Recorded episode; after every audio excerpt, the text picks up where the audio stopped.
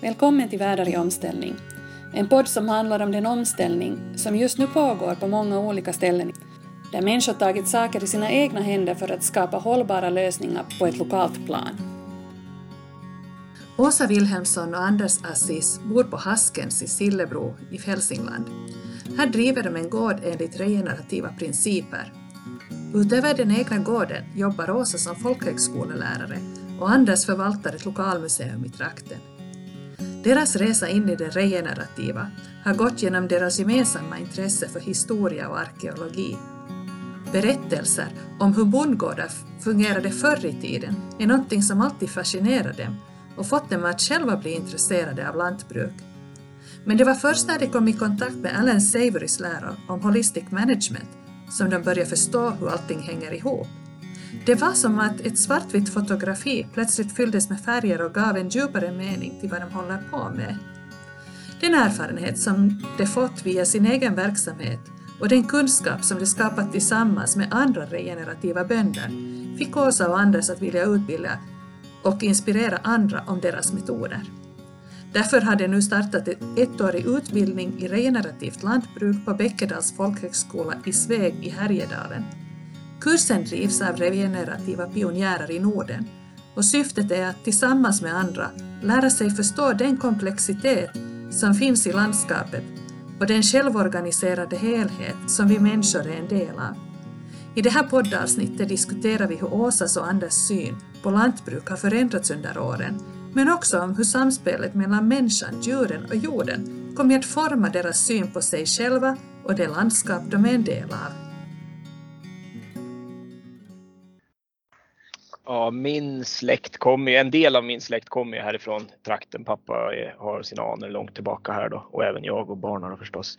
Men eh, sen kommer vi från alla möjliga håll. Jag är kvarts finne och kvarts dalmas och lite sådär då. Uppvuxen, född i Stockholm, uppvuxen i Ljusdal då som är ett närbeläget större samhället här då. Men vi har ju, vi har ju rötter och, och, och, och sammanhang här om man säger som så på min sida då. Sen mm. kommer Åsa ifrån norra Sverige. Mm har ni, liksom, har ni vuxit upp med jordbruk? Det, eller var det liksom en, ett, ett skifte att hoppa på för er, det här, det här tankespåret att flytta ut i landsbygden?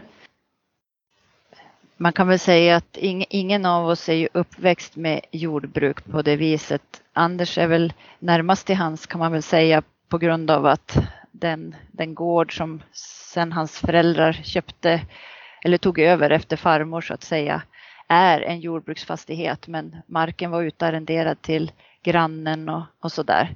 Så att det var i alla fall eh, i ett jordbrukslandskap medan jag är uppväxt i Västerbottens inland och har, eh, har liksom inte haft det närmare tillbaks än till mina, min mormor och morfar då. Mm. Eh, och, eh, men däremot så hade jag ett väldigt intresse av det just med tanke på de berättelser som mormor hade från deras uppväxt eller hennes uppväxt som då var i väglöst land i, i Västerbottens inland i södra Lappland. Och hur, eh, ja, men hur livet kunde te sig i hennes barndom och, och så som ju också väldigt mycket knyter an till ett småbruk med både jakt och fiske och lite jordbrukande. Då. Medan jag däremot kan väl säga att hade någon sagt i min ungdom att jag skulle ha djur och jord och sådär, då har jag närmast skrattat eller smålätt sådär då, därför att det hade väl inte känts. Jag har ju inte haft någon, någon vilja dit i ungdomen, det vet jag ju du också, att du liksom drömde om djur när du var liten. Men, men för min del kom det ju kanske mer ifrån sen via historien och att jag började fråga farmor och, och sådär. Det var liksom en, så att vi kommer ju därifrån bägge två att vi, vi har haft äldre generationer som har kunnat berätta och som har haft perspektiv och så. Men sen är det ju mm. många saker i livets slump och sådär som gör att, att, har, att vi har hamnat här där vi har gjort. Eller slumpen, vi, vi har hamnat här i ordets bemärkelse att vi har gått i hamn i, i, i det här på något vis. Det fanns en anledning till att vi hamnade här på gården och det var ju för att vi redan sen, ja, man kan säga vi, vi, vår första kontakt med jordbruksdjur och, och, och bruk och odling och så i någon, någon större skala än bara någon morot. Eh, det var ju 1997 när vi, vi gick en kurs tillsammans då, så jag, där vi tog hand om en kobesättning eh, som vi mjölkade och så. Och då föddes väl den här tanken att ja men det här ska vi hålla på med i någon form. Så redan, redan åren mellan 98 och, och fram till 2005 när vi bodde på, ja, på den andra gården. Mm. Då hade vi ju småskaligt. Vi hade en och två kor som vi handmjölkade och, och odlade en hel del och, och hade korna på fäbodvall på sommaren, någon arbetshäst och sådär. Så att sen, sen slutet på 90-talet har vi hållit på. Vad har ni för utbildning i, i, i bakgrunden? Uh, ja, vad har vi för utbildning? Alltså, jag skulle vilja säga att jag har lite olika typer av bildande sammanhang genom, genom livet och det som kanske har påverkat mig allra mest är de, de eh, folkhögskolekurser som jag har gått som också då har påverkat mig betydligt mer än den akademiska bakgrund som jag också har i hur jag väljer att leva mitt liv. Men båda delarna har varit väldigt lärorika och, och givit många olika perspektiv och öppnat upp för tankegångar som är viktiga för mig idag. Mm. Så både de, de kurser eller det, det, sammanhang med andra människor som jag har fått vara del i på folkhögskolor och det är både på Bäckedals folkhögskola i Sveg där vi, där vi faktiskt träffades första gången också Anders och jag. Eh, mm. Då vi gick en kurs som heter Människa, natur, teknik under ett år eh, och som handlar väldigt mycket om samspelet mellan människa och natur. Den natur som vi ju är en del av och beror av.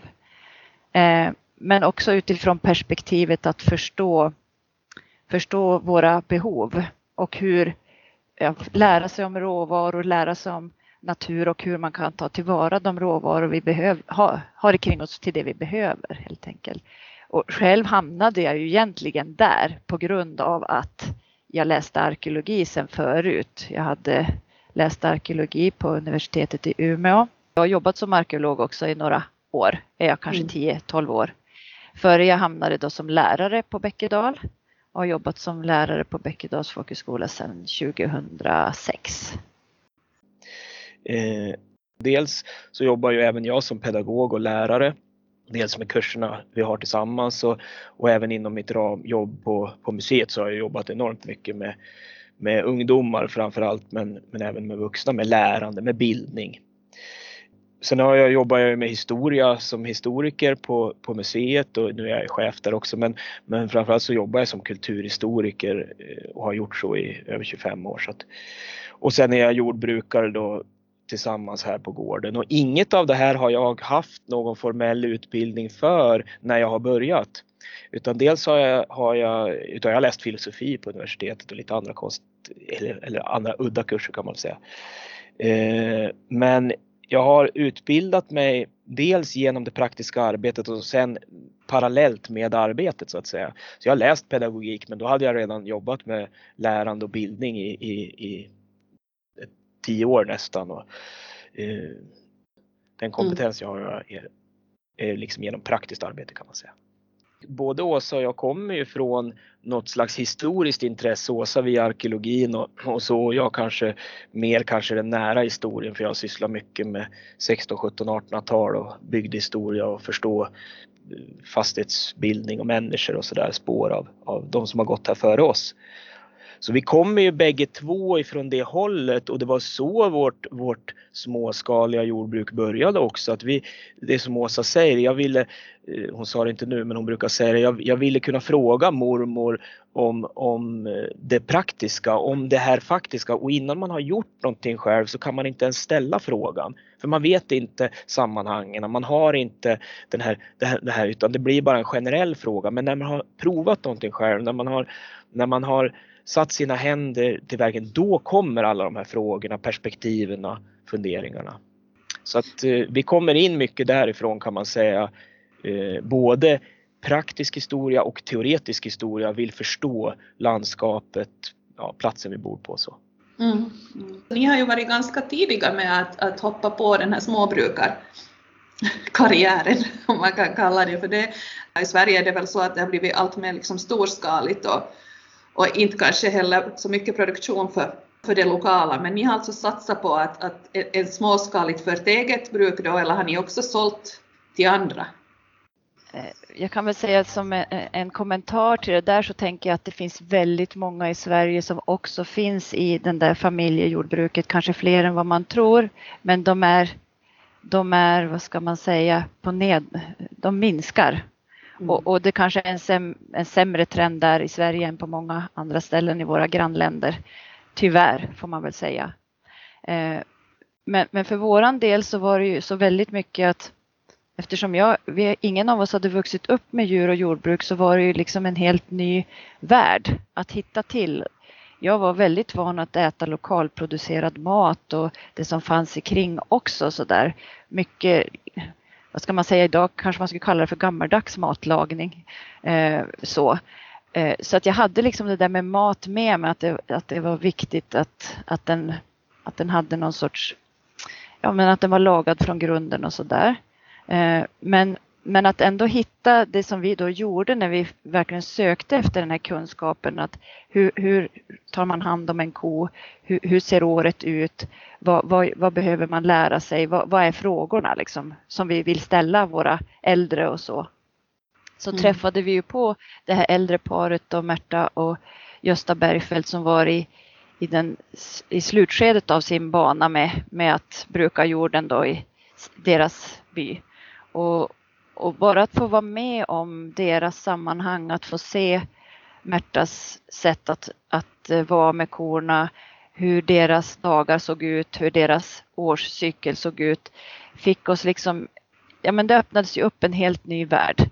Och jag är inte säker på att om jag hade kommit en den skolade världen, ja, för det första hade jag aldrig sökt till ett naturbruksgymnasium från första början för den världen fanns inte för mig då. Mm. Eh, och eh, jag tror inte att jag själv skulle ha hittat en nerv i det som jag gjorde där tillsammans med Märta i hennes lagård. Eh, och som gjorde det möjligt för oss att se att det här är någonting som vi skulle vilja ta vid också. Det här, det här sättet att, att bruka jord, att att eh, ta hand om djur, att ha det som en del av livet i vardagen. Det, det, är någonting som vi kunde se görligt, någonting vi skulle se möjligt och vi skulle vilja göra helt enkelt. Vi frågade Märta någon gång om hon hade haft kor, om hon alltid hade haft kor. Då, då hey, sa hon nej, nej så. Det, det, det, har jag inte haft och så började vi nysta i det där. Ja, men, men hon hade ju hjälpt mormor när hon var ung och sen eh, tog hon över mormors kor när mormor dog. Så att eh, i slutändan så hade hon ju haft med kor att göra hela livet såklart. Eh, det, det, jordbruk de hade var ju som sagt på deras åldershöst så att en del saker hade ju hunnit bli annorlunda mot hur de hade haft det före vi, vi var där. Men de hade sina 8-10 kor som de handmjölkade eller använde spannmjölkning. Um, och de hade fäboddrift så de hade ju det på tradition också att djuren var på kväxel som fäboden hette då. Eh, ja, och, och all, allt ifrån, eh, vad ska man säga, eh, uppfattningar om hur saker skulle göras som kanske har ännu äldre anor. En hel del skrock involverat i och, och även en del saker som, som gjorde att livet fick lite magi också. Eh, vardagen var, var lite magisk i den verkligheten för, tycker jag, med Märta och Gösta. Eh, de, de hade ju livnärt sig på det här jordbruket hela, hela livet, Märta och Gösta. Men jag menar, det var dyngglugg en meter upp på väggen och kan skotta ut utrefallet så. så att det... Mm. Det, det, man bara måste få säga är ju våran otroliga tacksamhet över att de kunde tänka sig att ta in sådana nybörjare som vi var, även om vi var ju så angelägna och ivriga så vi gjorde väl vad vi kunde för att hjälpa till, men det var nog att hjälpa till i många fall där från början. Och, och det, det, man ska säga till deras, vad ska man säga, ära eller hur man ska, vad man ska använda för ord vet jag inte. Det var ju det att de fortsatte ju med det här när alla andra slutade. De hade liksom överbryggat detta 60-tal som blev en en stor jämmerdal i för många eh, småbruk och, och familjejordbruk och, och sådär. Eh, och Märta var tidigt ute, det var hon som satt där på traktorn och brukade alla åkrarna där i Skattungbyn när alla andra tyckte att det där med jordbruk det var väl någonting gammaldags och som man helst, nu överdriver jag, ni förstår, mm. raljerar mm. kanske till och med och det är inte meningen. Men jag, jag, gör det egentligen mest för att jag skulle vilja säga att det är en sån fantastisk sak det som Märta och Gösta ändå gjorde. Den, den livsgärning som de gjorde där i byn. Mm, mm. Men alltså, uh, vad hände på 60-talet, uh, nu eftersom jag talar med människor som är intresserade av historia, uh, har ni på koll vad som hände med, med, med lagstiftningen och, och, annat som gjorde att så många slutade? Varför slutar man på 60-talet som småbrukare? Men det är ju många, många, orsaker, många orsaker ligger bakom det. Det är ju ekonomin och he, hela den här, menar, vi hade ju en, en, det fanns ju en rikspolitik som ville att man skulle minska det här. Det skulle ju rationaliseras. Du har ju, jag kan inte säga de exakta årtalen så, men jag menar du har det här med hur man fick köpa och sälja fastigheter och det är ju jättemånga sådana. Det fanns ju i, i, Sverige, det fanns ju en, en tydlig politisk vilja att man skulle strukturrationalisera jordbruket så att säga. Så, men sen är det klart att det har nog sett olika ut i olika bygder. Har det funnits andra alternativ till arbeten och så?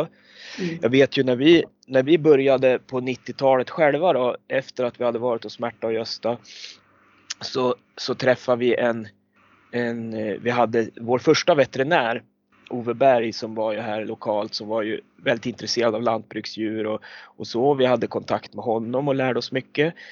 Eh, och då frågade jag, minns det att jag frågade honom, jag skulle vilja träffa, få kontakt med de människor här omkring som hade fortsatt. Som, som liksom hade kunnat ha någon, någon språ, småbrukskunskaper kvar och sådär. Därför att jag, vi hade upplevt det så otroligt värdefullt. Dels det vi hade fått berättat av våra äldre generationer, farmor och mormor och så.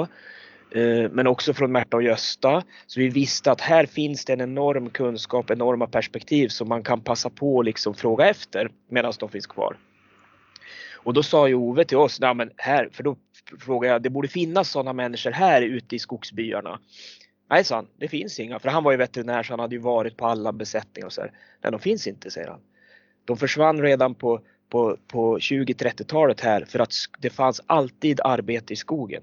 Du, mm. kunde, du kunde släppa dina två kor, strunta i det, fortsätta. De kunde bo kvar på sina torp men det fanns ett lönarbete i skogen för man kunde hugga åt bolaget. Och då, därför så här i våra bygder eh, som man skulle kunna tycka Hälsingland, södra Norrland är ganska liksom perifert, det skulle kunna finnas kvar. Här fanns egentligen väldigt, väldigt mycket mindre kvar av det än till exempel i, i eh, Östergötland, i Småland, i ställen som vi upplever som att de är mer centrala i Sverige så att säga.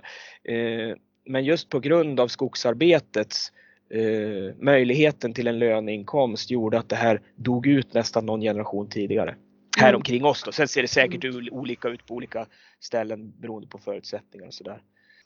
Och det är någonstans eh, fullt förståeligt utifrån ett enskild, den enskilda människans perspektiv. Jag vill trygga min, min framtida inkomst. Här erbjuds ett lönarbete som kanske direkt på pappret ser, ser, som är mer lönsamt i det kortsiktiga. Och man, man kanske har en familj att försörja och så. Men vad det gör i det långsiktiga med de kunskaper, perspektiv, lokal förankring, miljöfrågor, eh, eh, bygdens utveckling och sådär. Det, det, ja, det, det får konsekvenser på en lång sikt som man kanske inte ser direkt i det korta. I vilket skede kom ni i kontakt med det här regenerativa och holistic management som jag ju vet att det är centralt för er idag? då när vi började så var det ju i första hand en av grundpelarna till att vi började överhuvudtaget var ju att vi ville veta vart maten kom ifrån också. Det var inte bara, bara det här med djurintresset och så, men det var ju på försörjningsnivå från början. Eh, sen, eh, när vi kom hit till Haskens då på 2005 så, så var det också en spännande resa i att, att fundera på vad, kunde, vad, vad skulle den här gården bära? Vad, vad ville vi göra här? Vad var förutsättningarna här? Och då, där i den vevan så utökade vi och blev lite mer vad ska man säga, ett större, ett större jordbrukande som innebar att vi också skulle ha lönsamhet på det. Eh, jag vet att vi räknade någon gång på vad, vad lit, mjölk, lit, literpriset på mjölk var då när vi hade våra en, en och två kossor och så där. Och det, det var någonstans i något, något dyrare whiskypris kan man säga. Men, men, så kunde vi inte hålla på då när vi utökade utan då, var, då fick vi liksom lite blodad tand till att se hur kan vi göra för att producera bra mat här som kan komma fler än oss själva till godo men vi måste ju ändå göra det så att det blir på något vis ekonomiskt bärkraftigt också för oss själva och för att det ska vara hållbart överlag. Vi kan ju inte tro att vi ska producera mat här i Sverige heller på några människors bekostnad utan det behöver ju vara någonting som är hållbart för, för alla parter. Och inte minst för landskapet dessutom.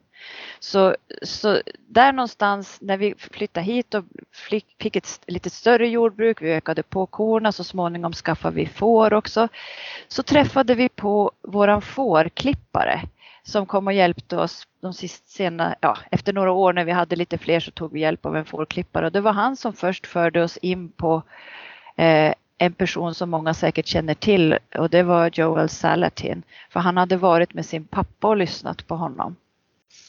Så där någonstans började ett frö gro och, och, från det att, att Erik hade varit här hos oss och berättat om det där så bara fullkomligt djupdök vi i någon sorts sån här äh, internetsökning och, och hittade en massa olika ingångar till det här som bara sen, sen dess har varit en jätteviktig del i våra liv.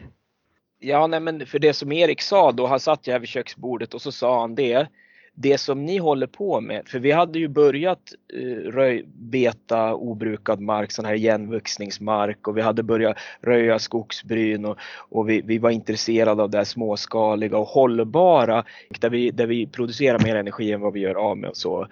Eh, och då sa ju Erik så här, det minns jag så tydligt, det här som ni håller på med, det påminner om en, en amerikan som jag har hört prata om. Så att vi var ju liksom, vi var på väg åt det hållet men vi hade ju inga ord på det och vi visste inte heller utan det var bara en känsla som vi hade att vi vill att byns alla delar ska leva. Även om vissa av de små, små hörn av täkter och igenväxna skogsbryn och sådär som vi hade stängt och som hage kanske på pappret i den första kalkylen var olönsamma därför att det var för mycket arbete, för mycket stängselstolp i förhållande till bete så hade vi ändå valt att göra det. För vi ville så att säga på något vis återuppliva landskapet. Det här, det här var höstklippningen 2011 11, kanske? Var det. För, för jag minns att 2012 på, på våren, på vårvintern och januari, februari då, då fick, då, vi, vi kollade lite grann på det där och sen så började vi söka via internet och lyckades få fiska tag i Alan Savory och vi såg en, några av de videor som han hade lagt som fanns då. Det fanns inte så mycket men det fanns en, en föreläsning från något, från något spanskt universitet där han berättade om, om det här med att eh, motarbeta ökenutbredning med, med kor. Och vi satt ju bara och gapade och tänkte men det här, det här var ju intressant. Det här verkar ju... Det är så mycket, det är så mycket common sense. Om vi som är intresserade av historia och evolutionen och hur, hur, varför det ser ut som det gör så, så förstår man att det finns någonting i det här även om vi kunde inte säga är det här sant eller inte. Det var, men vi gick igång på det och, och började djupdyka mm. i det som Åsa säger. Och jag tänker att för våran del var det, och det, det, tror jag att många säkert, jag har hört fler säga det, och för oss var det verkligen så att, att det var som att plötsligt så, så var det som att det var en svartvit bild som fick färg eller, eller som att hitta hem eller som att, att plötsligt så, så förstår man språket på något vis. Man förstår det språk man har försökt att lära sig på sitt eget sätt. Liksom. Därför att våran ingång till det här med samspelet med naturen, att, att, ehm, att förstå historiska perspektiv, att lära sig det med våra kroppar, med våra händer, med våra sinnen på något sätt. Alltså det, det handlar så väldigt mycket om att allt ifrån de här äldre personerna som vi har frågat, allt från hur man har gjort ost till hur man har eh, ja, brukat jorden och så där handlar liksom om så många sinnen att, att de säger men det är inte svårt säger de. Man gör bara så här. Och i själva verket så är det, som en, är det ju generationer av kunskaper och sammanhang och förståelse som gör att man bara gör så där. Eh, och för en som är invandrad i de, i, den, i de kunskaperna så är det inte så enkelt utan det är väldigt, väldigt komplext. Så på något vis så så för oss blev det när, när, vi hittade till det här med holistic management och de här sättet att se på natur, se på djurens roll i naturen, se på vår, oss, oss människor och vår roll här i detta jordeliv. Vad, vad är våran roll egentligen? Hur, hur skulle ni själva beskriva holistic management? Nej, men holistic management är ju ett, egentligen har ju inte en direkt koppling till jordbruk utan även om det är sprunget ur en jordbrukskontext där man har försökt skapa ett, ett, eh, ett beslutssystem, ett ramverk för att ta vettiga beslut. Att, eh, för i, var, i varje i varje situation, du tar en enorm mängd beslut eh, och vissa beslut kan te sig, te sig enkla i stunden. Det kan vara ett ja eller ett nej, men allting får ju konsekvenser på längre sikt. Och eftersom jordbruk är en komplex, eh, en komplex eh, verksamhet här skiljer vi i, i Holistic Management på, på vad som är komplicerat och vad som är komplext komplicerade saker, det är saker som vi gör, saker där det finns en tydlig orsak verkan. Det kan vara en maskin. Va? Plockar vi bort ett kugghjul ur maskinen så hur komplex, hur komplicerad maskinen än är, plockar vi bort kugghjulet så kan vi förutsäga vad som kommer att ske. Mm. Den kommer att sluta därför att och det, vi kan via ingenjörskonst för, beräkna det på förhand, vi kan bestämma vad som kommer att hända. Medan komplexa system, de är självorganiserande, det är det som innefattar livet. Det kan vara din kropp, det kan vara ett ekosystem, det kan vara ett socialt system, det kan vara vår ekonomi, det kan vara sådana saker. Och de är icke förutsägbara. För plockar du bort ett kugghjul ur en sån, eh, ur en sån, ett sådant sammanhang i en familj till exempel. Du plockar bort en familjemedlem.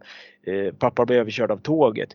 Familjen slutar inte fungera men den själv organiserar sig och fungerar på ett annat sätt. Och du kan aldrig med reduktionistisk vetenskap förutsäga vad som kommer att hända. Och det här är ju en, en, det här är en jätteviktig distinktion. Jag tycker den är absolut viktigast nästan av allt därför att hela vår värld idag och vår tolkning av världen styrs av av, eh, i hög, väldigt hög grad av vetenskap. Och vår västerländska reduktionistiska vetenskap som jobbar just med de här är ju experter på att beskriva eh, komplicerade strukturer. Vad händer om vi plockar bort eller lägger till kugghjulet? Men vi är jättedåliga, eller, eller de här systemen med reduktionismen fungerar inte för att beskriva komplexa system. Så åter till din fråga. Holistic management, det är ett det är egentligen ett ramverk för beslutsfattande där vi, där vi för att kunna se hela den här bilden, för att kunna hantera den komplexa helhet som ett jordbruk är eller som en familj är eller som ditt eget liv är, så är det här ett, ett ramverk som hjälper dig att fatta sunda beslut. Eh, man kan säga det, det är lite grann som man, man, man, man stoppar upp fingret och känner vartåt det blåser. Och så gör, stoppar man upp fem, sex, sju fingrar och känner hur blåser det i olika aspekter av den här, den här helheten. Och så använder man den kunskap man får in ifrån det för att ta ett, ett beslut då, ja eller nej.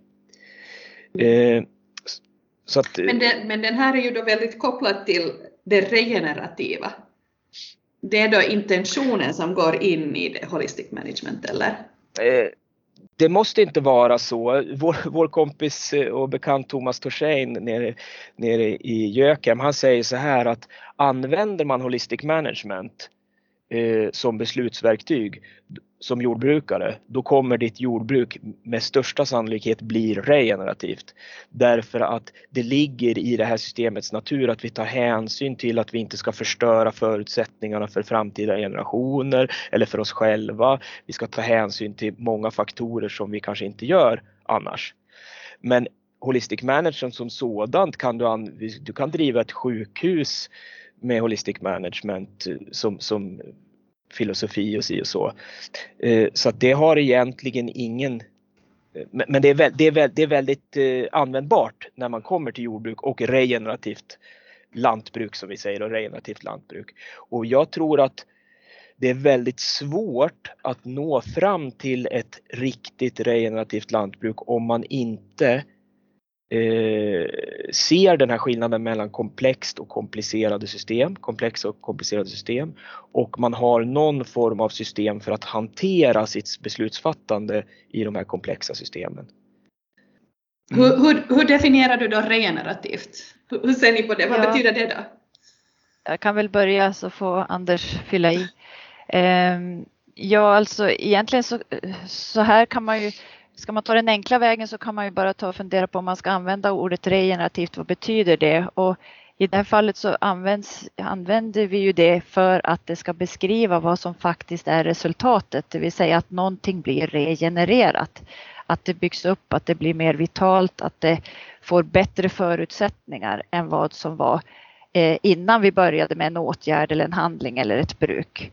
Så regenerativt lantbruk handlar ju om att eh, från den plats eller det, det, det, landskap som man brukar då att, att bygga upp det, vitalisera det, att det ska få bättre förutsättningar för, för kommande generationer.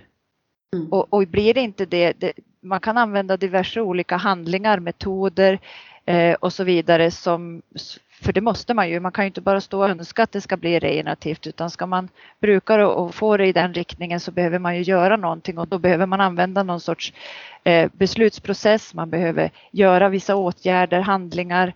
Men man behöver också utvärdera och se, har resultatet lett mig till någonting som är mer regenerativt? Har den här marken, har mitt mitt eh, sammanhang i den här byn eller har min ekonomi faktiskt stärkts av det här? Har den blivit mer vital? Ser jag, någon, ser jag att det går åt rätt håll, ett regenerativt håll?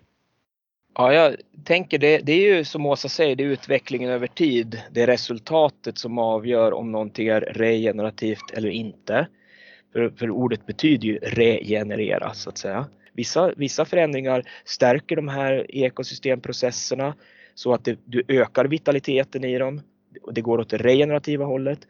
Och vissa förändringar, naturliga eller påförda av människan, kan degenerera de här ekosystemprocesserna. Vattencykeln kan hindras så att säga, du får sämre vatteninfiltration eller, eller den kan förbättras då du får mer aggregatbildning i jorden som gör att jorden håller och filtrerar vatten bättre. Men över tid så blir ju det här systemet, ekosystemet, antingen så regenereras det eller så degenereras det. Eh, det kanske i något teoretiskt fall går att hålla det hållbart men jag, jag ställer mig lite frågande till hur det skulle se ut. Och naturen vill ju liv. Naturen, hela evolutionen säger att liv föder liv. Livet som uppstår i, för årmiljoner sedan på vår stenplanet, den här stenklumpen som flyger i jorden. Det livet har skapats av livet själv. Det första livet, de små, små organismerna, de har skapat livsförutsättningar för nästa organism, för nästa organism. Så att om vi lämnar ekosystemen helt fria, om vi skulle säga att vi plockar bort oss ur ekvationen, människan ur ekvationen, så kommer ju ekosystemen att regenerera sig.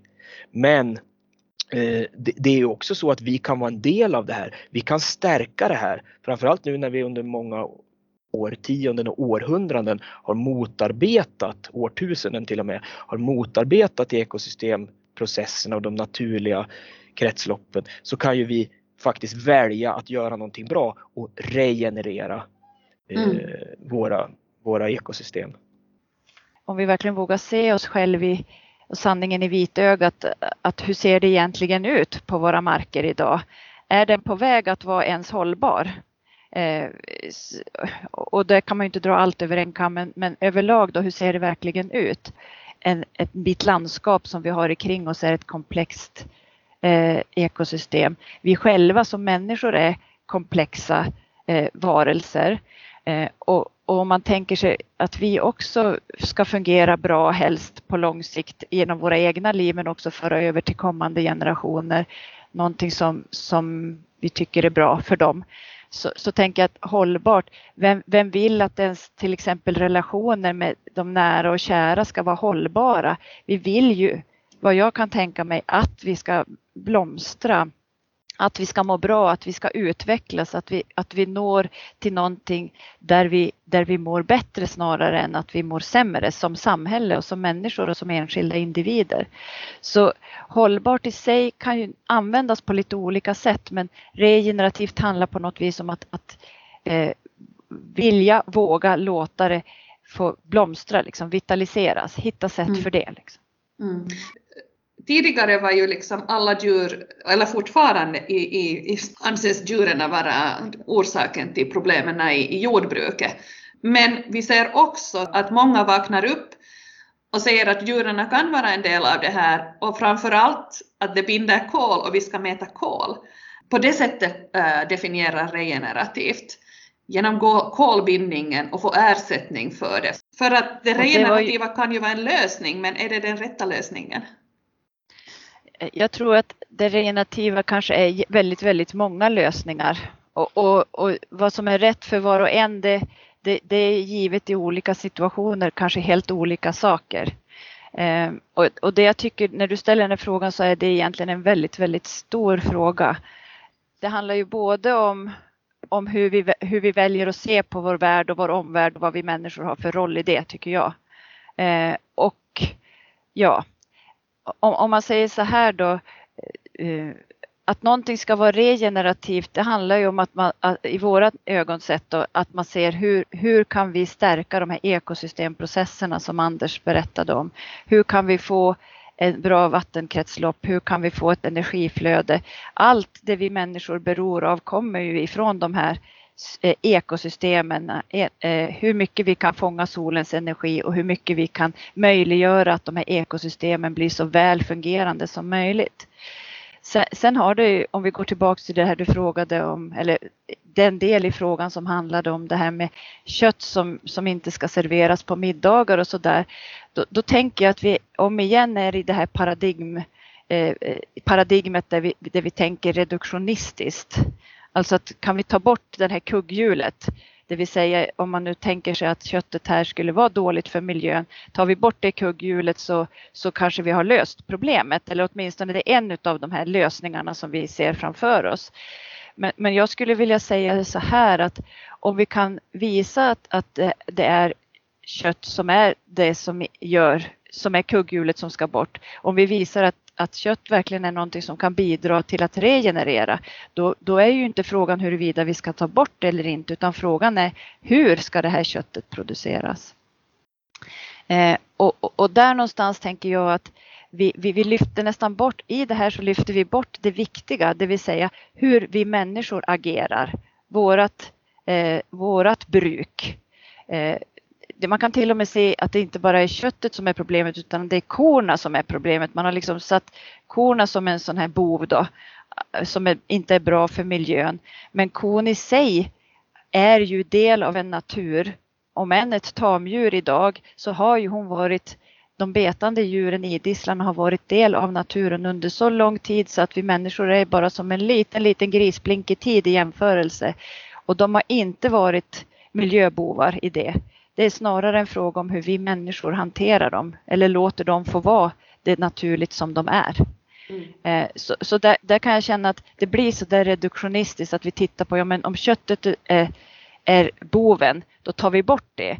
Men vi har inte funderat vad är grundorsaken till att vi överhuvudtaget ser det på det viset eller om det ens är på det viset. Eh, ska, man, ska jag vara krass kring frågan om djuren och deras betydelse för, för klimat och, eh, och att man ser dem som ett problem så skulle jag vilja påstå att eh, de som förfäktar de idéerna har ett väldigt kortsiktigt perspektiv. Titta på evolutionen, lär någonting om biologiska system, lär någonting om, om ekosystem, hur de fungerar. Därför att det vet vi och det finns forskning på det, att det är att djuren, jag är tillbaka på det, stenplaneten, när, hur livet uppkommer på jorden och hur liv föder liv och hur de här idisslarna som vi nu pratar om är en, är en av de riktigt stora faktorerna som har bundit ner allt detta kol ur atmosfären under årtusendena som har skapat ett stabilt klimat under de förutsättningar när de fick vara en del av de ekosystem och fungera på de naturliga sätt som de har gjort. Det är precis som Åsa säger, det är när vi tar idisslarna ur sina, ur sina naturliga kretslopp och, och, och, fungerande system och stoppar in dem i andra system. Vi matar dem fel. Vi, och vi dessutom odlar deras mat på ett felaktigt sätt. Och vi, vi stänger in dem, de är inte ute där de ska vara och göra nytta i naturen och stimulera ekosystemprocesserna utan de ska stå på betonggolv och så vidare. Där blir de ett problem, men det är ju inte de som är problemet utan det är ju människans hantering av dem som är problemet givet att evolutionen, alltså alla de stora matjordslager som har funnits på, på de stora gräsmarkerna i både Afrika och Nordamerika. Vad jag förstår så av all forskning att säga så är det de här idisslarna som har skapat den matjorden. Som har bundit ner det kolet i marken. Eh, så att problemet går inte att lösa på det viset. Så det, det, där, det där reduktionistiska sättet att se på världen, det är väldigt, väldigt farligt egentligen. Eh, och ser du på hela klimatdebatten, ja, jag är för, det är självklart ska vi binda ner kol i backen och självklart ska vi försöka fasa ut fossila bränslen för de är ett problem. Det är inte något snack om det. Men vi vet ju också att redan sedan 1970-talet så vet vi att den absolut mest potenta växthusgasen som vi har är vattenånga. Den står för 95 av, av växthuseffekten är vattenånga. Eh, men man har alltså valt då att Vetenskapen har redan då på 1970-talet valt att, att säga att vi kan inte hantera vattenånga. Vatten är en så stor faktor, människan är så liten, vi kan inte ha någonting, ha någonting med det att göra. Men vad är det vi ser? Vi ser ökenutbredning. Vi ser degenererade jordar som inte binder vatten. Vi, vi ser vatten som inte infiltrerar ner till grundvatten. Vi har grundvattenproblem på flera ställen i Sverige. Och vad beror det på? Ja, till syvende och sist så är det ju i väldigt hög grad människoskapat för att vi hanterar inte våra jordar som de levande organismer som de är. Utan vi hanterar dem som om de vore eh, en, en, ett substrat som vi kan plantera växter i. Och det där är, det där är ett, ett systemfel och det är väldigt svårt att få de reduktionistiska vetenskapsmännen och kvinnorna, hur kloka de än är, att förstå det därför att inom det paradigmet, inom det reduktionistiska paradigmet så är det sant eller falskt. Men det är inte så. Det är komplext. Kolbindning, ja. Men om, om vi ska mäta eh, regenerativt lantbruk om huruvida vi binder in kol Nej, det, det, kommer ju, det är ju en enda liten parameter av ett väldigt stort komplext system. Och sen kan man väl tänka sig, alltså det finns ju många, många ingångar till det här, men, men en sån där väldigt viktig grej och det har ni ju varit inne på båda två, det är ju det här med att, att jorden lever. Eh, det, det, finns ett, och det är ju inte särskilt länge som det har varit någon sorts allmänt, både på media och allmänt eh, uppfattning att vi faktiskt har ett, ett universum av ett mikroliv under våra fötter och sådär. Så att eh, det finns mycket man kan säga om det, men om man bara utgår ifrån att ja, den här jorden, matjorden om vi pratar om den nu bara, den lever och vi behöver hantera den som ett levande väsen liksom. Eh, och där någonstans börjar man då titta på, ja vi kan mäta huruvida kol binds ner. Men det som man också kan fundera på som många mycket klokare och kunnigare människor än vad jag är på de här frågorna menar på, det är ju att kolet ska vara i omlopp. Det ska vara i levande, det ska, det ska liksom röra sig, det ska vara en pump, en kolpump. Det är inte, i sig finns det naturligtvis viktigheter i att vi återtar, att det kommer mer kol tillbaks till jorden för vi anser att mycket av det här har vi liksom lyckats få upp i luften istället. Men det viktiga är att det också är ett levande system. Att det finns i levande som sen dör, som tas om hand och blir till nytt liv. Eh, så kolbindning är kanske en sak, men den kan inte vara den enda sättet att mäta. Då, blir risken att vi är där i det reduktionistiska igen. Mm. Mm. Eh, för att på riktigt förstå vad det här regenerativa betyder så kräver det ju, precis som du sa Åsa, att vi också förstår att jorden är levande och att det är det här komplexa systemet. Och, och klarar allmänheten av att göra den här, det här hoppet in i en komplex verklighet? Man kan nog säkert få försöka beskriva det på alla möjliga vis men, men överlag så tror jag, har jag absolut hopp och tro på att vi kan det. Alltså det är ju det som är så fantastiskt med oss människor, att vi har en sån vi har så många fantastiska förmågor och för min egen del så kan jag ju bara säga att det lilla som jag börjar förstå på det här och som har påverkat mitt liv och mitt sammanhang på hur jag brukar och, och hur jag är eh, i min vardag så har det ju det har inte varit ett svår, det har varit en, en ansträngande resa att tänka nytt, att, att fundera på det utifrån andra premisser än vad, vad, jag har gjort tidigare. Men det har ju inte varit en omöjlig resa, det är snarare en väldigt givande resa. Och jag tror att vi människor har förmågor som vi kanske inte ens får chans att nyttja alla gånger när vi, när vi rullar på i, i ett samhälle som tänker reduktionistiskt kring oss. Så, så jag tror att för många finns det något väldigt fint att få hitta till de här tankegångarna, att få komma tillbaks till vad, vad är det viktiga i livet för mig och för människorna kring mig? Och vad är, vad är landskapet omkring mig? Hur, hur kan jag få liksom en kontakt med det? Hur kan jag se att jag kan påverka och vara en bidragande del till det landskap som finns kring mig? Mm. Det, det, är en ganska, eh, vad ska man säga, fin resa att få påbörja. Och sen är vi ju alla, vi är ju alla barn av vår tid så att vi får hjälpa varandra tänker jag helt enkelt mm. på den resan. Ja, jag tänker att det ligger mycket i det du säger Åsa och det, jag håller med i allt det. Och, och, jag vill sätta ytterligare några ord på det och det som du gör Maria, det är ju det att du frågar oss om det här och vi sitter och pratar om det. Vi sätter ord på det. Vi skaffar oss språk för, för det här, det, du var inne på det tidigare också. Uh, och det är ju så med oss människor, tror jag, jag begriper inte bättre, men att vi har svårt att be begripa att om vi inte sätter begrepp på saker. Vi måste sätta, eh, begripa och begrepp har, har ju, alltså begrepp är helt värdelösa om man inte begriper någonting. Men vi måste ofta ha begrepp på saker för att kunna begripa det.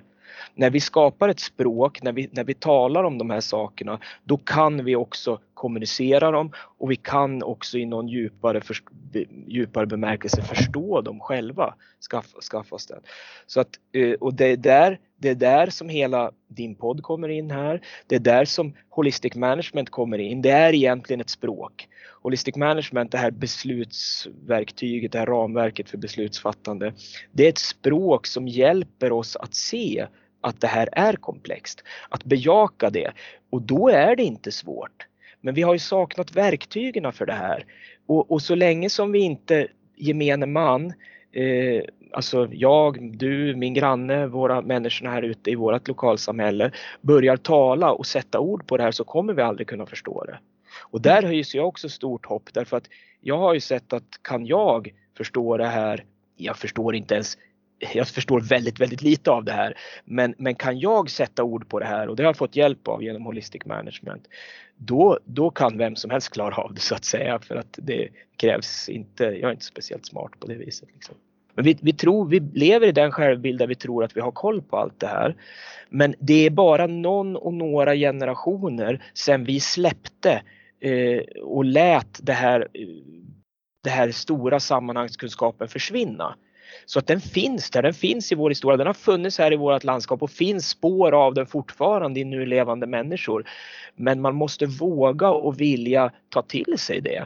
Och det kan vara hotfullt. Det, jag menar när vi pratar om, om komplexa eh, system, att det här är komplexa system som vi inte kan förutsäga. Det är klart det känns hotfullt. Vi kan inte ens säga att vi ska använda den här metoden för att vi ska få ett hållbart jordbruk här. Vi kan inte säga att vi ska Mm. Eh, det är inte det debattklimatet som råder utan vi istället för att ta ett steg tillbaka, försöka acceptera att vi vattnar, eh, eh, och förstå att vi inte kan förstå allting. Vi kan inte greppa allt, vi kan inte kontrollera allt och vara ödmjuka inför det.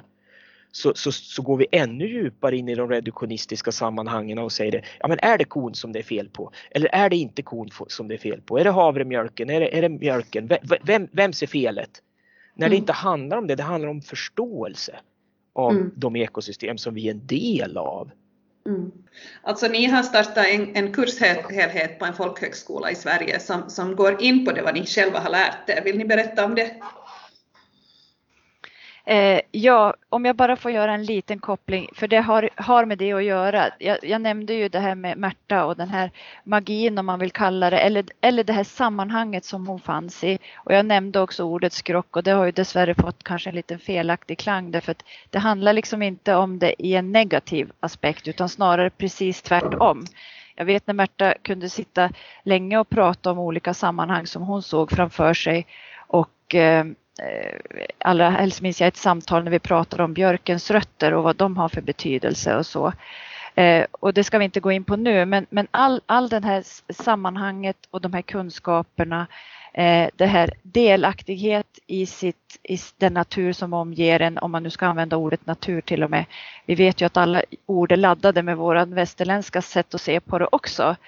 Eh, I det här möjligheten att få möta det, att få att ha att haft i sitt liv tillfället att ta det där steget tillbaka, andas och se vad, vad betyder det här för mig? Eh, det i sig är ju otroligt värdefullt att ha fått haft de här djupa samtalen, att få träffa människor, att få se det ur andras ögon, också andras perspektiv. Det gör ju att man blir väldigt tacksam som människa också. För, för det är inte lätt att göra den resan på egen hand. Mm. Eh, jag tror att vi alla kanske på ett eller annat vis är lite vilsna i det samhälle vi befinner oss i som, som inte nödvändigtvis eh, fungerar så som vi har gjort som mänsklighet genom evolutionen och genom förhistorien och ens genom historien om man säger så. Man kan till och med se i vissa sammanhang att det kommer eh, olika artiklar och, och, och, uttryck för att, att holistic management är någonting som inte fungerar. Man, man säger att det här fungerar inte, betesystemet fungerar inte och så där, det, det, finns bevis för det, det har inte blivit bättre. Men i själva verket så är det ju det som att säga att en hammare inte fungerar. Det är klart att en hammare kan fungera beroende på hur man använder den. Eh, så, så där någonstans så kände vi bara att hur vi vet att det finns många människor som frågar efter och vill lära sig mer om det här. Att få hamna i sammanhang där man kan få prata om det, lära sig om det, hitta olika vägar som kan passa i just mitt sammanhang. Eh, och, och, i det så har vi fört ihop det helt enkelt. Så eh, det är ju genom min arbetsplats, då Bäckedals folkhögskola, som vi har haft utrymme och möjlighet att få starta upp en kurs som heter just regenerativt lantbruk och holistic management. Och frö till det ligger ju i alla de samtal som vi har haft tillsammans med människor i Norden får vi väl säga. Eh, som vi har träffat på i den här resan av regenerativt lantbruk. Så den hade inte kunnat bli, komma till om det inte var för alla de här mötena, alla de här gemensamma tankarna och funderingarna. Men själva den praktiska förutsättningen kunde vi hitta då på Bäckedals folkhögskola. Eh, och jag gjorde grundarbetet för det eh, när jag gick folkhögskollärarlinjen då, som ett skolutvecklingsprojekt. Så jag hade möjlighet att där lägga tid på att koppla ihop människor som har med det här att göra och forma den till någonting som vi tror ska vara ett, en bra lärandemiljö. Mm. Men, men då är det alltså själva lärarna är de som är egentligen pionjärer i, i Norden med att, att börja använda sig av ja. holistic management? Ja, men det, det, får vi väl säga, för vi, vi har ju sökt upp varann. Genom de här åren så har vi hittat varann och vi har haft ett väldigt utbyte av att fråga, fundera, förtvivla, hoppas. Alla de här upp och nedgångarna som det innebär att, att ändra, eh, att jobba in de här nya sätten att tänka riktigt och, och hjälpa varann i det. Alltså, man behöver inte vara biolog för att kunna studera hur, en, hur ens marker mår. Och det där är, det är ett sånt folkligt sätt som, som jag tror hänger ihop med det här som ni har varit inne på att prata om tidigare, lärande genom historien och hur vi människor har lärt av varandra i alla, under hela evolutionen så är det det som, som sättet vi har lärt oss. Eh, och jag säger inte det här för att racka ner på vetenskapen eller folkhögs, folkskolestadgan från 1842 eller, eller någonting. Va? Utan för att det här är olika parallella system. Men vi kan inte ta alla ägg ur, ur ena korgen och lägga i den andra. Vi måste ha kvar det här andra sättet att lära och, för, och, eh, och det andra sättet att förstå världen också. Eh, men det här, eh, men, men det är ändå hos mig som brukare som, som den här möjligheten att avgöra eh, hur jag ska få min mark att regenereras, att få mina ekosystem att vitaliseras. Den kraften ligger hos mig. Och här är det så lika som folkbildningen i och med att vi jobbar i en högskolemiljö. Vi har ingen professor som sitter och säger, även om vi må vara kanske, vi, har, vi ligger några år före andra i praktiskt prövande. Vi har gjort fler misstag än de andra än så länge. Så här är det ju så att vi lär av varandra och folkbildningen är ju så stark för alla de här erfarenheterna så, som människor har är värdefulla i det här.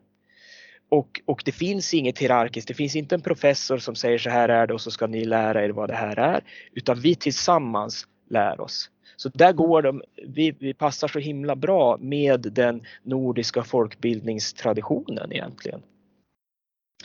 Jag tänker att det kanske är viktigt att, att, komma ihåg för vi först när vi kom i kontakt med det här så tänkte vi att det här vill vi lära mer om. Vart finns det en kurs? Så att vi började söka efter det och, och hittade ju ingen kurs, åtminstone inte i, i, i skandinavisk miljö. Och vi pratade då ett tidigt skede med Jörgen uppe på fjällbetet som, vi, som nu är med och driver kursen på Bäckedal. Vi är fem huvudlärare där. Eh, så. Eh, och eh, Jörgens spontana reaktion när vi frågade honom, ja men gör en kurs då sa han. Eh, och vi förstod inte riktigt det för vi ville ju, vi ville ju lära oss det här av någon som kunde det. Eh, men det som kontentan blev ju det att eftersom det inte fanns någon kurs så började vi ju lära oss det här själva och vi, vi försökte tragglande översätta för en del av den här litteraturen i det här är ju ganska tung akademisk engelska och, och små i detaljerna. Hur, hur, hur ska vi använda det här verktyget? Och när vi till slut hade liksom tillägnat oss det här och si och så, så, så eh, någorlunda, då kände vi att vi vill lära mer. Och det är inte riktigt så, så att, att vi bara gick en kurs. Vi startade ju även den 10 dagars kursen. Vi, vi tillsammans, det här gänget som ville gå, vi sa så här, vi måste få till en kurs.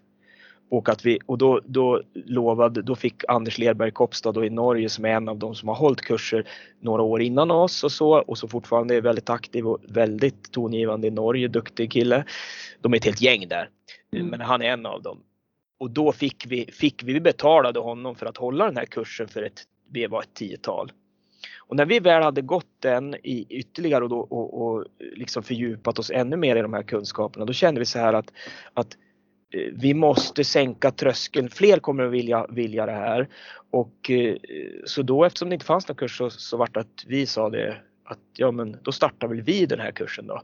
Och då, eller egentligen var det du Åsa som, som helt enkelt gjorde det här och sa det här vill jag göra och så gick du in mm. i det och tog fram den här kursgrunden då så att säga. Och ser man till om man är en grupp människor, om det så skulle vara i ett sammanhang på stenåldern där, där man kanske inte alls befann, befinner sig i ett samhälle som vi har idag eller om det är i en grupp människor som försöker lära sig mer om holistic management idag så, så handlar det om att vi har alla våra olika saker som vi kan bidra med.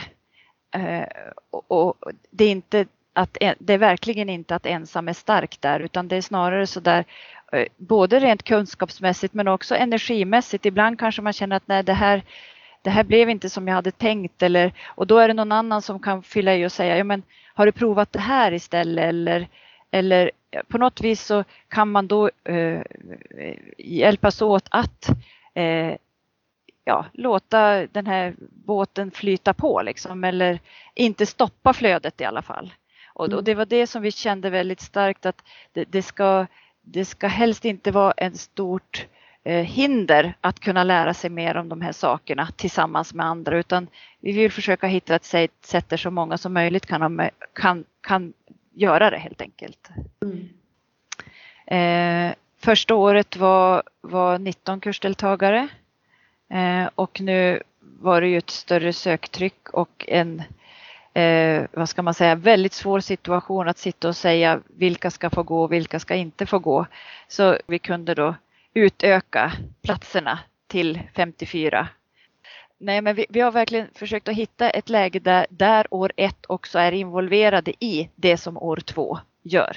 Ja. Så vi, vi får mm, ett utbyte, ett nätverkande eh, över årgångarna också. Det, det är ett av våra stora mål, alltså att, att vi faktiskt inte bara banar väg för att fler ska kunna lära sig om det här, utan att vi banar väg för att, vi, att nätverket, att nätverkandet, att lärandet sprider sig till de som vill. Mm. Så att vi har ett spann av åldrar och bakgrund av ingångar och en väldigt stor del av kursen bygger ju på egen fördjupning där man själv vill lägga mer tid på. Mm. Eh, så, så, så därför så får vi ett sånt, tycker jag, brett spann på olika ingångar till det här. Mm. Allt ifrån att man vill lära sig mer om hur jord eller kompost eller så fungerar till att man vill lära sig en betesplan och göra den på sin gård eller, eller att man vill få sin verksamhet mer lönsam eller så. Det finns många olika ingångar. Mm. Ni sa att det inte fanns någon i er bygd som som hade kvar den här traditionella kunskapen. Finns det nu där runt omkring er sådana som sysslar med någonting liknande som ni efter 16 år på Eh, gården? det, om jag säger så här då att eh, nog finns det kunskaper kvar. Det, vi ska inte säga det, men det fanns kanske inte det vi såg framför oss när vi då på 90-talet började. Vi såg framför oss en, en, en gammal gumma i en stuga med två kor liksom. Eh, men nog finns det kunskap. Det finns det hos alla jordbrukare. De må vara eh, konventionella eller ekologiska eller så. Det, det finns ju en enorm kunskap hos både äldre och yngre lantbrukare. Så vi lär ju mycket av alla människor runt omkring oss. Eh, det som har hänt, om jag säger så här då, att, att vi har ju några, eh, när, när vi började, när vi köpte, när vi började på 90-talet och började med jordbruk, då fanns det sju mjölkproducenter bara här i vårt närområde. Idag finns det ingen. Så att det, det har ju skett en stor strukturomvandling. Det vi kan se är ju det att det finns ju ett stort intresse för de här typen av förhållningssätt. Det finns det ju hos enskilda. Och när vi köpte, när vi flyttade in i Sillerbo här, byn som vi bor i nu, eh, då var vi två lantbrukare kan man säga som brukade större delen av byn. Vi tog över bruket av den ena och så fanns det en spannmålsbonde som, som sådde och, och tröskade spannmål då på, på delar av marken. Efter några år slutade spannmålsbonden och vi brukade i princip hela byn. Bortsett några täkter som slogs från, av utomstående från andra håll. Men sen, eh, vi har ju medvetet, vi vill ju gärna ha grannar som är intresserade och så. Vi har en granne som har startat upp jordbruk och har diko, dik, en dikoproduktion. Inte nödvändigtvis relativt så, men, men så vi har samarbetat en hel del genom åren och det är en enorm styrka att vi inte sitter själva. Så vi har ju släppt arrendemark även till, till den grannen.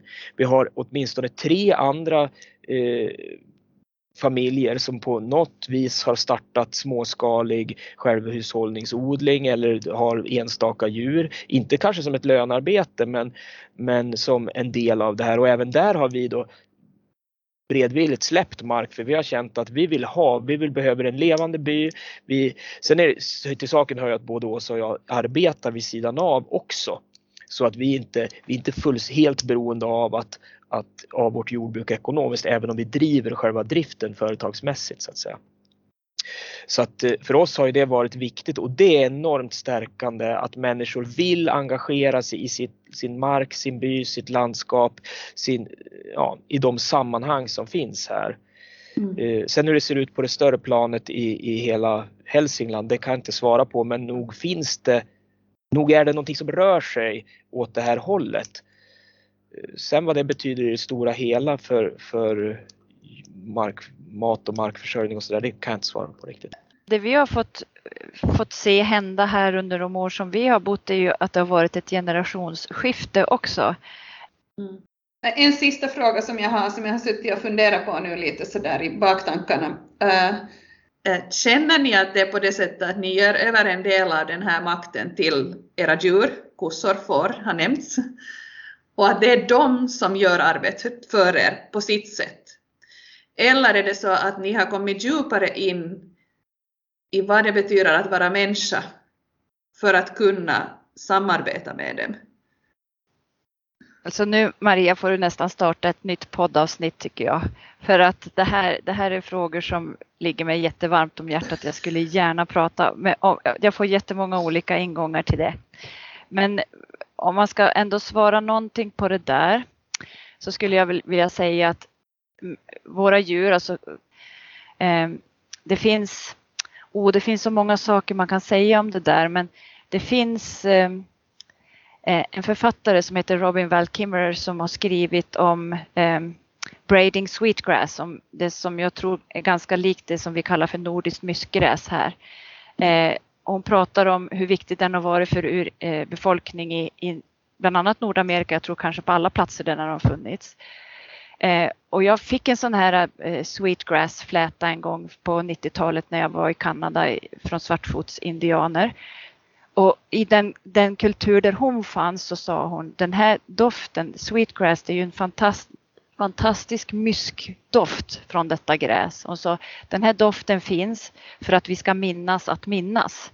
Att vi ska eh, känna vördnad och ödmjukhet mot det levande värld vi har kring oss. Eh, och, och, när jag kommer hem så säger min mormor, ja, det där är ju god, god lukten våre. Mm. Eh, ja. Sen skulle jag bara vilja säga en annan sak också, lite som en parallell till den arkeologiska arbete jag har gjort. Jag har inventerat, ett, ganska många år så har jag inventerat skogsmark och i randbygder och sådär. Och man får ögon för att se fornlämningar. Eh, så vartefter man lär sig så får man upp ögonen och kan se någonting som man som oinvigd inte kan se. Man kan lära sig att läsa det här landskapet. Och det känner jag att vi har fått göra med att lära oss att se det landskap vi har kring oss när det gäller just det här vitaliteten, de här ekosystemprocesserna. Mm. Eh, med respekt för att jag vet att det är svåra frågor och jag vet själv hur svårt det är att sätta ord på det. Men lite grann när du ställer frågan Maria så ställer du den som om det vore, eh, för du undersöker det här, men du ställer det som om det vore antingen det ena eller det andra. Det är lite grann i det här reduktionistiska liksom tänket jag vill försöker utröna. Och jag, mm. ingen, ingen kritik i det, jag bara reflekterar över det. Mm.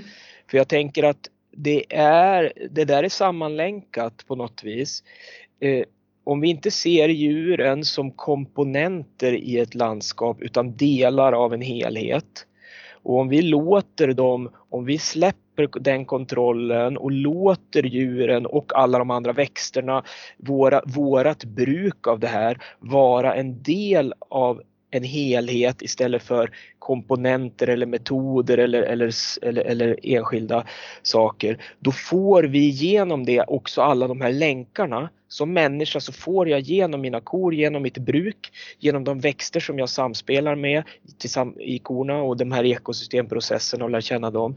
Så får jag alla de här länkarna ut i landskapet. Jag blir en del av landskapet. Och vad gör det med oss som människor? Ja, det gör just din andra fråga. Det gör att vi blir djupare, eh, får en djupare kontakt med vad det är att vara människa och en förståelse för vår plats i, i, i det systemet. Så att för mig känns det som att det är både och. Tack för att du tog dig tid att lyssna på ett avsnitt ur poddserien Världar i omställning.